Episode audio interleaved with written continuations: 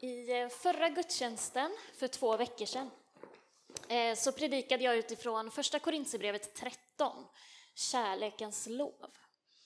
Eh, och vi tittade på både kapitlet innan, kapitel 12 och kapitel 14 och såg att Paulus inte alls gör en utvikning när han plötsligt börjar prata om kärleken, när han både i kapitel 12 och 14 talar om de andliga gåvorna. Utan istället är det så liksom att han Eh, förklarar de andliga gåvorna, vad är syftet med dem överhuvudtaget? Vad handlar det om? Jo, det handlar ju om kärlek, om att byggas upp i kärlek, att församlingen ska göra det. Eh, och att den här uppbyggnaden, ja men den sker bara om andens gåvor används just med kärlek som utgångspunkt. Att motivet inte är att jag använder dem för att jag vill styra eller ställa eller jag vill lägga mig i andras liv eller visa hur duktig jag är som har fått gåvor från Gud eller, eller om jag gör det av rädsla eller tvång kanske. Utan det är motivet som, som gör att de andliga gåvorna kommer i, i sin verkliga funktion och verkligen bygger upp eh, församlingen när man använder dem i kärlek. Och Paulus skriver ju där i, i Första Korinthierbrevet 13 att om jag talar änglars och människors språk, om jag delar ut allt jag äger, om jag låter bränna mig på bål men saknar kärlek så är det ingenting värt. Då är bara talet skrällande symboler, det är tomt liksom. Ehm, så om det inte görs i kärlek, då är handlingen alldeles tom. Och det är ju vad, eh, detta med kärlek, det är ju vad eh, Jesus eh, återkommer till gång på gång. Han får frågan, vilket är det största budet i lagen? Vad är det vi ska liksom, vad är det vi måste jobba mest på? Vad är det vi ska rikta in oss mest på egentligen av allt som Gud säger? Och Jesus svarar, du ska älska Herren din Gud av hela ditt hjärta, av hela din själ, av hela ditt förstånd. Det är det största budet och sen kommer ett som liknar det, du ska älska din nästa som dig själv. På dessa båda bud vilar, hänger hela lagen och profeterna. Alltså allt vad Gud har talat i Gamla Testamentet kan sammanfattas i att vi älskar Gud därför att han först älskade oss och att vi älskar vår nästa, våra medmänniskor. Och Paulus återkommer till det här på samma sätt som Jesus, eh, så uttrycker han det i Romarbrevet 13. Vi är inte skyldiga någon något, utom i detta att älska varandra. Den som älskar sin nästa har uppfyllt lagen. Kärleken gör inte sin nästa något ont, alltså är kärleken lagens uppfyllelse. Och han säger också i Galaterbrevet, hela lagen uppfylls i ett enda budord, du ska älska din nästa som dig själv. Så när både Jesus och Paulus ska sammanfatta vad är detta med Gud egentligen? Vad är det Gud vill med våra liv? Varför agerar han i, våra liv? Varför agerar han i den här världen? Vad är motivet? Vad är utgångspunkten? Vad är grunden? Så säger de gång på gång, det är kärleken. Det är kärleken som är grunden till allt. Det är kärleken som är Bibelns röda tråd, även i Gamla Testamentet. Det syns inte alltid i alla texter. Det finns texter i Gamla Testamentet som man undrar varför de står där och vad Gud egentligen menar med dem. Det, det gör det. Men att ta en övergripande bild på Bibeln, vad är det Bibeln vill säga? Eh, då ser vi att kärleken är den röda tråden. Bibeln är en, en samling av texter som är otroligt spretig på ett sätt. Det är, den är skriven under lång tid, alltså texterna har tillkommit vid olika tider. Eh, det är skrivet av många olika personer, det är många olika typer av texter i Bibeln. Vi har listor. Vi har listorna i Gamla Testamentet på namn och vi har listor på saker i Gamla Testamentet. Det, eh, det räknas upp alla möjliga grejer när de är ute och vandrar i öknen till exempel, hur det här tabernaklet ska vara byggt och vilka saker som finns där och så där. Så det finns massor med listor i Gamla Testamentet. Det finns också jättemånga berättelser berättelser om människor, hur människorna relaterar till varandra, hur människorna relaterar till Gud, hur Gud relaterar till människorna. Vi har också en mängd sånger och poesi i Bibeln, framförallt Saltaren, Men det sprängs också in sånger och eh, dikter eh, i de berättande texterna, i Moseböckerna och i kungaböckerna, hur människor brister ut i lovsång eh, om eh, vem Gud är och vad han har gjort. Eh, vi har profetior, skarpa profetior, allvarliga profetior, upplyftande profetior, uppmuntrande profetior, eh, profetior som verkar handla om här och nu i Israel, profetior som verkar handla om en annan tid eh, och eh, profetior som verkligen sträcker sig långt fram i tiden. Då tänker jag framförallt på Uppenbarelseboken, hur Gud en dag ska återupprätta allting. Så Bibeln är verkligen en liksom brokig samling av texter som verkar spreta åt lite olika håll. Eh, och ibland kan det då vara svårt att få liksom, ja men vad handlar det här egentligen om? Eh, men när man börjar läsa och börjar titta på det från lite olika håll så ser man att det är kärleken. Guds kärlek till människorna, Guds kärlek till sin skapelse, det är den röda tråden. Eh, om man skulle jag tänkte, om man skulle göra som en liten översikt över Bibeln, vad är det då som, liksom, hur, hur kan man, allt det här som spretar åt lite olika håll, hur skulle man kunna beskriva det på ett mer liksom, tydliggörande sätt om man lite övergripande skulle beskriva Bibeln? Då skulle man kunna dela upp det i fem delar. Är det något som är problem med ljudet? Är det bara jag som hör ett litet så här ton? Ja, eh, jag pratar på så får ni protestera om det är för hemskt. Ja, men är det något... Eh, nej? Lite rundgång. Mm. Vi accepterar det, eller så får vi se om vi eh, får bort det. Mm. Nej, men man skulle kunna dela ut, upp Bibeln i fem huvuddelar.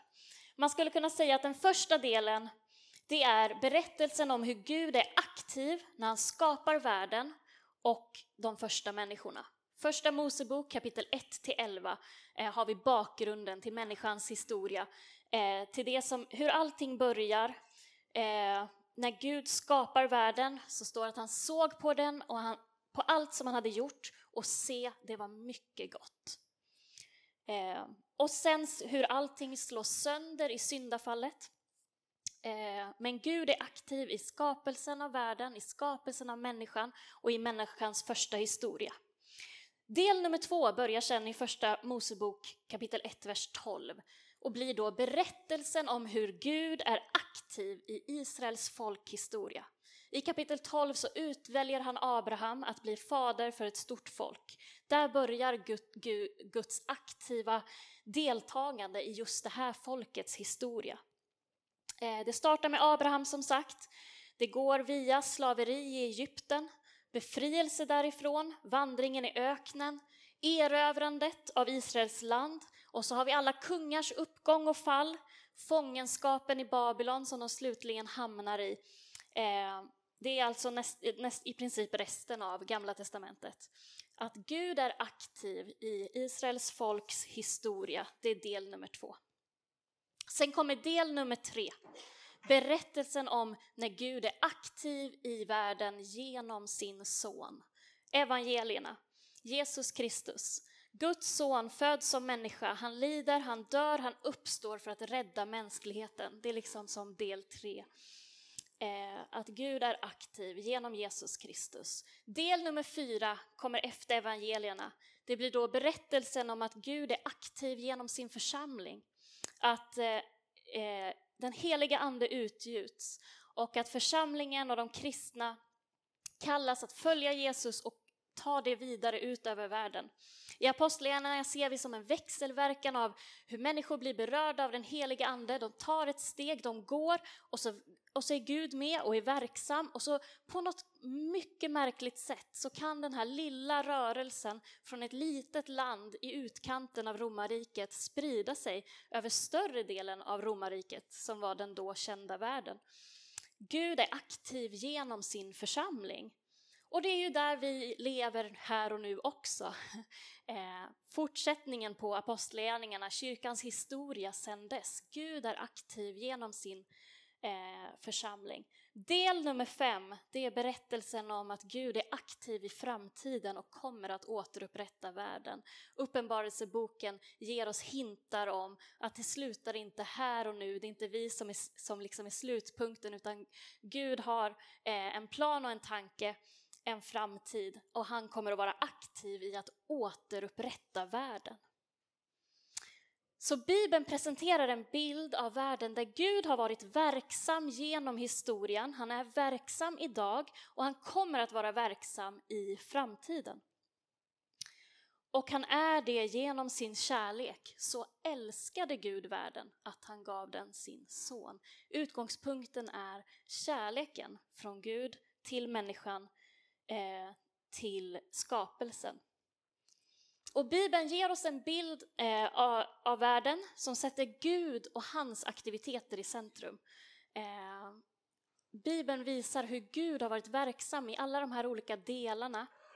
Att det är han som, som är, eh, är med och vill någonting. Han är aktiv i människans historia, aktiv i människors liv, aktiv i våran skapelse. Det är en Gud som skapar, som älskar, som offrar sig själv och som ska komma åter för att återupprätta allting. En Gud som agerar i kärlek. Och han är aktiv här och nu, säger Bibeln. Gud är inte, är liksom inte, han har inte lämnat sin skapelse, Gud har inte dragit sig tillbaka, han sitter inte på avstånd, eh, pekar på oss med ett pekfinger på långt håll. Ja, jaha, nu gjorde ni så, ja, ja, hm, det var inte vad jag hade tänkt, jaha, nu håller mänskligheten på med det där, liksom. Utan Bibeln talar om en Gud som är aktiv i våra liv genom den heliga Ande.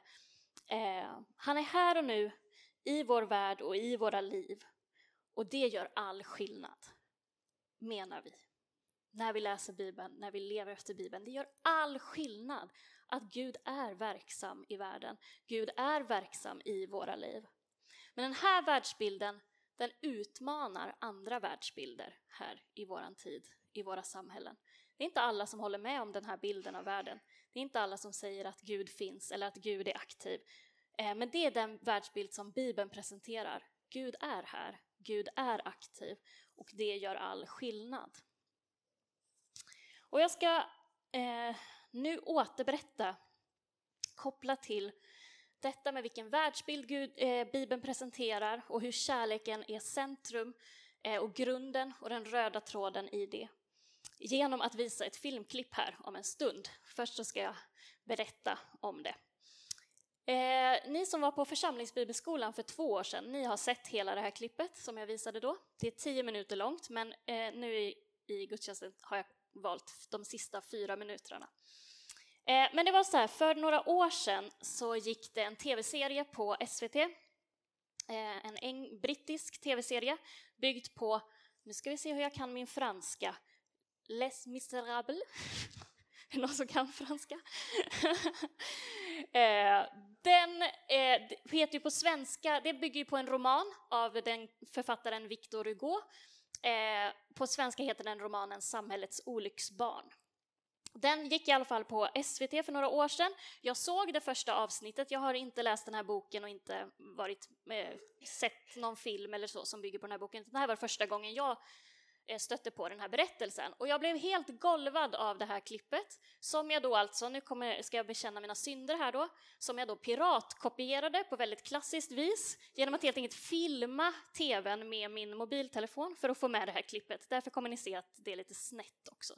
Eh, så det gjorde jag. Jag har, tänkte, jag var så rädd att SVT skulle plocka bort det här den här tv-serien innan jag hann komma på hur jag skulle få tag på den här, så jag valde att direkt bara filma det så jag skulle behålla det.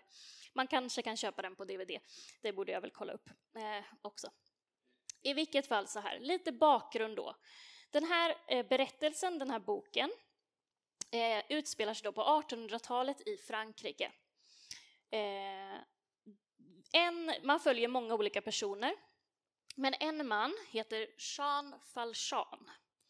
Och han var då en lite skum person som sysslade med lite småbrott, eh, stöld bland annat. Eh, inte någon jättebrottsling, men ja, lite sådär, levde i samhällets utkanter och, men klarade sig genom att stjäla. Så blir han då fast eh, för det här brottet och för stöld så blir han då satt i fångläger på 19 år. Och fånglägret är en fruktansvärd plats där de bryter sten, tror jag, något slags stenbrott. Eh, de arbetar från tidig kväll till sent, de blir eh, hånade av vakterna, de blir slagna, de får nästan ingen mat. Eh, så de här åren gör ju inte honom till en mjukare person, utan snarare en hårdare person.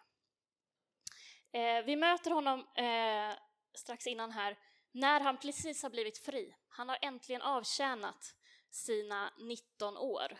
För det har han fått, eh, ska säga, 100 100 frank. Jag vet inte vad det riktigt motsvarar, men det är inte någon stor summa för 19 år.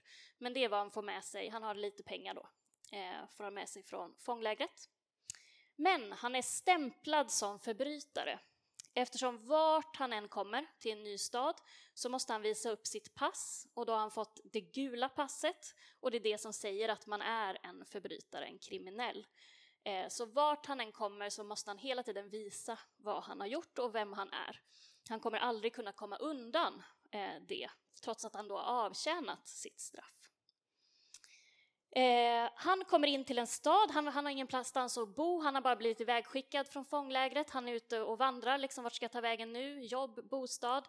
Han kommer till en, en stad, eh, det syns på honom, han ser inte särskilt väl ut, han, ja, han är inte välkammad eller välrakad eller har fina kläder eller så, utan det syns ju på honom eh, också att han är något. Och så måste han då visa upp det här passet för att komma in i staden och ryktet går direkt då i den här lilla staden. Vi har en förbrytare bland oss, vilken fruktansvärd man. Han försöker ta ett litet dagjobb men blir lurad på sina pengar av, för, då, för ja, det, du är ju bara en, en gammal fånge, dig, varför ska jag betala dig det som du förtjänar? Så på, när kvällen kommer har han ingenstans att sova, han har inte fått köpa mat heller på det här stället, eh, värdshuset, för de vill inte ha in honom. Men så är det en kvinna som går förbi honom på gatan och eh, eh, visar lite barmhärtighet och säger du kan knacka på biskopens dörr. Han brukar ta emot alla möjliga sorters personer. Eh, så det gör den här Sean. I biskopens hus bor förutom biskopen själv också hans hushållerska. Och hushållerskan är den som under dagen har hört de här ryktena om den här mannen som har kommit till deras stad. Det ska vara en bandit med ett förfärligt ansikte. Och biskopen svarar, man kan inte rå för hur man ser ut. Precis då knackar det på dörren och denna man som ser så förskräckligt vanvårdad ut, han kommer in. Och hushållerskan ser ut så där. Men biskopen säger välkommen in. Eh, mannen säger ja, jag hörde att man kunde få en bit mat och en sovplats här. Jag skulle behöva det. Jag kan betala för mig. Och biskopen svarar allt mitt är ert. Vi ska precis sätta oss. Slå dig ner här.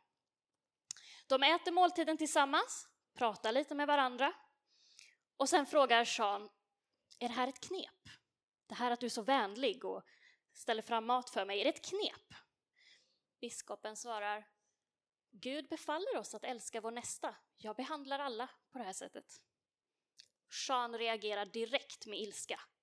Hur skulle jag kunna älska min nästa när min nästa behandlar mig sämre än en hund? Men visst, det är lätt för er. Ni har råd att vara snäll och trevlig. Ni har råd att bjuda på mat, eller hur? Visst har jag rätt? Ja, visst, svarar biskopen. Det är lätt för mig. Men även om ni mycket riktigt har utsatts för stor orättvisa gör det er verkligen bättre att ha ett hjärta som är fyllt av bitterhet och hat? Jean reagerar med ilska igen. Hur skulle jag inte kunna ha ett hjärta som är fyllt av bitterhet och hat? Sitt fången ni i 19 år så ska ni få se. Predika inte för mig om Gud och hans kärlek. Biskopen nickar, förlåt mig, jag borde ha tänkt på era känslor. Men tror ni inte att vänlighet och kärlek kan förändra en människa? Jean skrattar bara till. Nej, det tror jag inte. Efter måltiden så visar biskopen Jean till ett gästrum. På vägen dit så får vi också se att hushållerskan lägger de rengjorda silverbesticken i en korg i korridoren och det ser Jean också. Gästrummet ligger precis bredvid biskopens eget rum och Jean tycker att biskopen är galen. Hur kan ni låta mig sova i rummet bredvid ert? Ni vet ju ingenting om mig. Tänk om jag mördar er i natt? Biskopen svarar, det är Herrens sak, inte min. Jag tar risken, min vän. Sov gott nu. Och så går de in i sina rum. På natten lämnar Jean biskopens hus och ger sig iväg. Och det är nu vi ska titta på klippet som jag ändå vill visa och inte återberätta. För det gör någonting att få se. Eh, det har alltså blivit morgon, det är dagen efter att Jean kom dit. Och det är hushållerskan som kommer ut till biskopen som håller till i trädgården utanför huset. Och... Ja. Tror du inte att vänlighet och kärlek kan ändra på en människa? Nej, svarar han. Är det därför han blir så frustrerad där på slutet när han står med de här ljusstakarna i händerna och vet inte vad han ska ta sig till för det här är en situation han aldrig har varit med om och så måste han bara göra något slags utfall mot den här biskopen. Vad håller du på med mig? Vad är det du gör? Jag förstår inte det här. Eh, jag tror det. Det går inte fort. Redan i scenen efter det här så stjäl han ett mynt från ett barn som går förbi. Men precis när han har gjort det och det där barnet springer gråtande därifrån, då slår kyrkklockorna från byn. Och så tittar han tillbaka på byn och man förstår att någonting hände ändå där. Och senare, genom historiens gång, så förändras hans hjärta och hans inställning och hans handlingar. Men när jag ser det här filmklippet så ser jag två världsbilder som krockar med varandra. Vi har en världsbild som säger att kärlek och vänlighet kan förändra en människa. Och så har vi en världsbild som säger att inget kan förändra en människa. Vi ser en världsbild eh, som säger att om man har utsatts för orättvisor så finns det ingen annan väg än hat och bitterhet. Och så ser vi en världsbild som säger att om någon tar dina silverbestick, trots att du har visat godhet och generositet, så ge honom ljusstakarna också. Jag ser en biskop som verkligen har tagit Bibelns berättelse på allvar.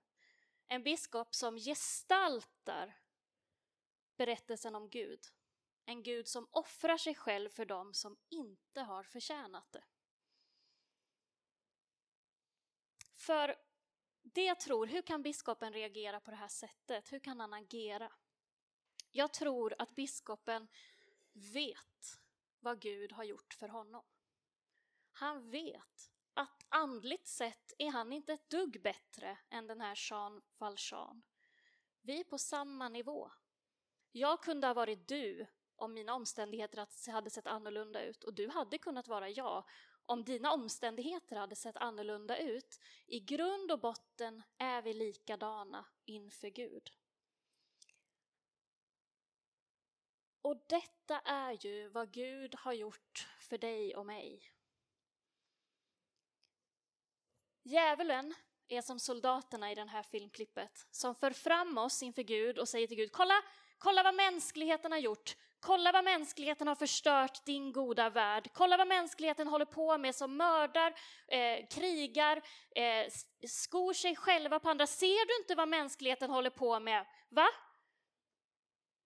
Och Gud, och vi är som den här Sean, vi vet att vi har gjort fel. Vi bara hade hoppats att vi inte skulle åka fast för det. Men Gud är som biskopen som säger, ja jag vet, men eh, här får du ytterligare godhet. Här får du ytterligare kärlek. Släpp honom, låt honom gå. Och i Bibelns berättelse så blir det ju då så att soldaterna säger nej, nej, vi måste ha någon att straffa för allt det här. Okej, okay, säger Gud, jag har min son. Han tar honom. Jag tar mänskligheten, ni tar min son. Så detta är vad biskopen vet och lever ut den här kärleken som jag har fått har inte jag heller förtjänat. Den har ingenting att göra med att jag växte upp i ett välordnat hem där jag fick tillgång till skola och kunde utbilda mig och bli biskop och få ett fint hem med en hushållerska. Det har ingenting med mitt, mitt andliga status att göra eller att det är därför Gud älskar mig. Jag och Sean är på samma nivå. Vi är båda helt utblottade inför Gud.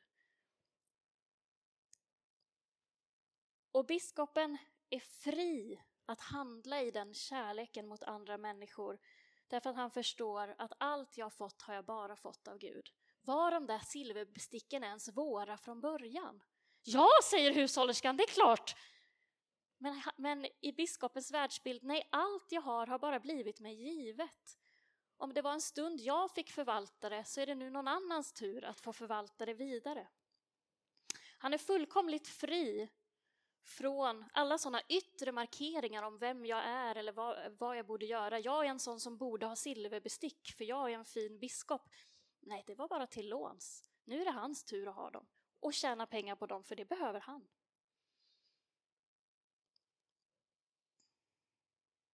Biskopen har tagit emot allt det Gud gjort för honom helt och fullt och förstått. Han har sin identitet i Gud och, tagit emot, och verkligen tagit emot den radikala kärleken och därför så kan han ge den vidare till andra.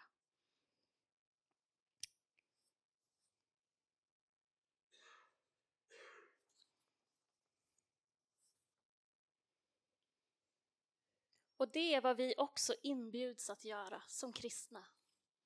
Att inte bara läsa Bibeln som, som ord som, som står i en bok och som vi kan bläddra i och ta till oss och, och liksom tycka är bra för mig. Utan det vi är kallade att göra, det är att leva ut detta i våra liv, i våra relationer. Att den kärleken som jag har förstått att Gud har för mig, att den är jag kallad att gestalta och leva ut i varje relation och i varje människa som jag möter.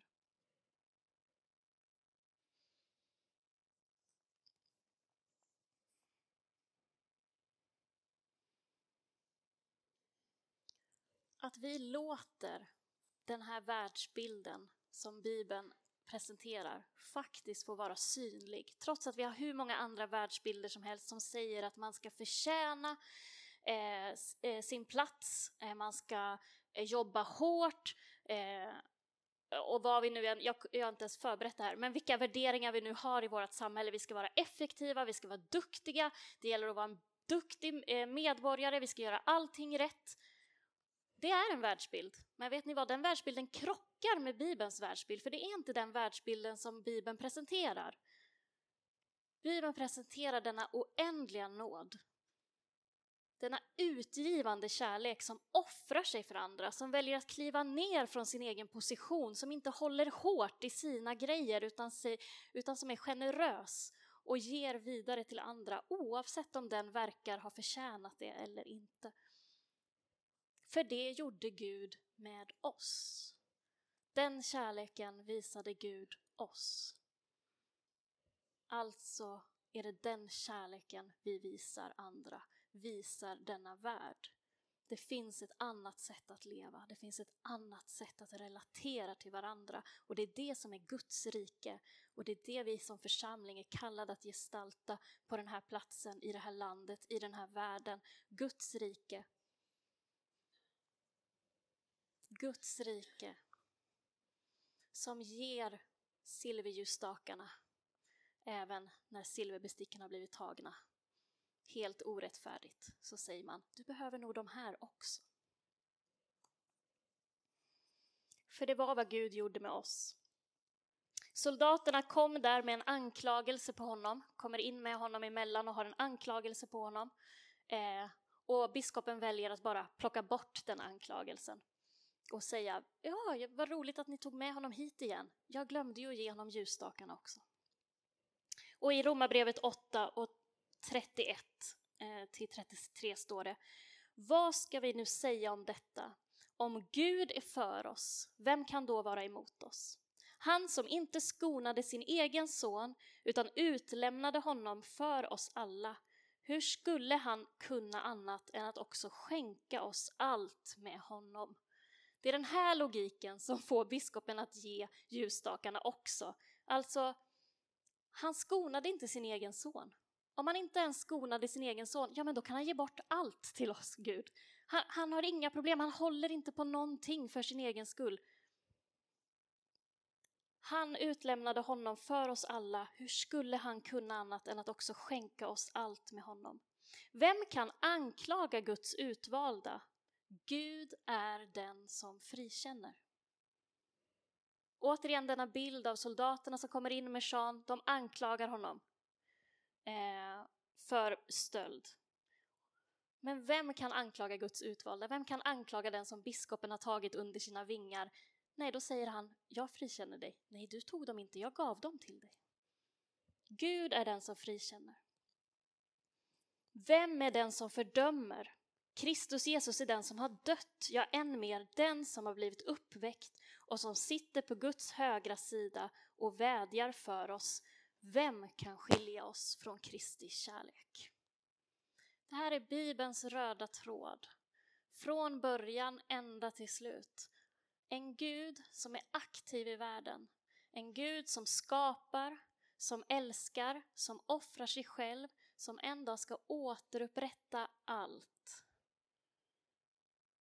Gud är den som frikänner. För att vi ska få vara fria att gestalta samma liv här och nu i våra vardag, i våra relationer, där vi bor, där vi är. Att vara representanter för Guds rike, att vara representanter för denna världsbild, att vara Guds kärlek här i världen. Vi är kallade till det. För att den kärleken har han gett dig, den är hos dig, den frikänner dig. Var med och frikänn andra. Sätt andra människor fria i hur du behandlar dem, i hur du beter dig mot dem och visa att Guds kärlek är verklig och aktiv här och nu, i våra liv och i vår värld. Vi ber tillsammans. Jag tackar dig Jesus att vi har fått stått inför dig eller sitta inför dig och inför ditt ord den här dagen. Tack Herre för din oerhörda kärlek. Att det är din kärlek som världen skapades av. Det var på grund av din kärlek som du skapade oss, Herre. Det var på grund av din kärlek som du utvalde Israels folk för att visa din kärlek och nåd i världen. Det var på grund av din kärlek som du sände Jesus Kristus hit för att vi skulle få ta emot friheten, frälsningen, nåden ifrån dig. Och Jesus, vi tackar dig, Herre. Tack för vad du har gjort. Tack för vad du, att du utgav dig själv, att du inte satte dig på en tron för att bedöma oss eller, eh, eller regera över oss på ett hårdhänt sätt, utan att du böjde dig ner, Herre. Du böjde dig ner, du gick till korset, du gav ditt liv för att vi skulle få liv, för att vi skulle få frid, för att den här världen skulle få liv och frid. Herre, jag tackar dig för att du fortsätter att vara aktiv, att du har varit aktiv genom hela kyrkans historia och här och nu. Att vi får vara din kropp, dina händer och fötter på den här jorden. Att vi får vara representanter för ditt rike och för din kärlek. Hjälp oss att gestalta det i våra egna liv, i våra relationer. Där vi befinner oss i vardagen, Herre. Att vi får komma med ett budskap om liv och frid och kärlek genom dem vi är och på det sätt vi bemöter människor, Herre. Herre, vi älskar därför att du först älskade oss. Jag ber att vi som längtar efter det ska få ta emot den kärleken, grundas i den kärleken på ett nytt sätt. Där vi inte behöver vara rädda, utan där vi kan överlåta våra liv helt och fullt i din hand. I Jesu namn.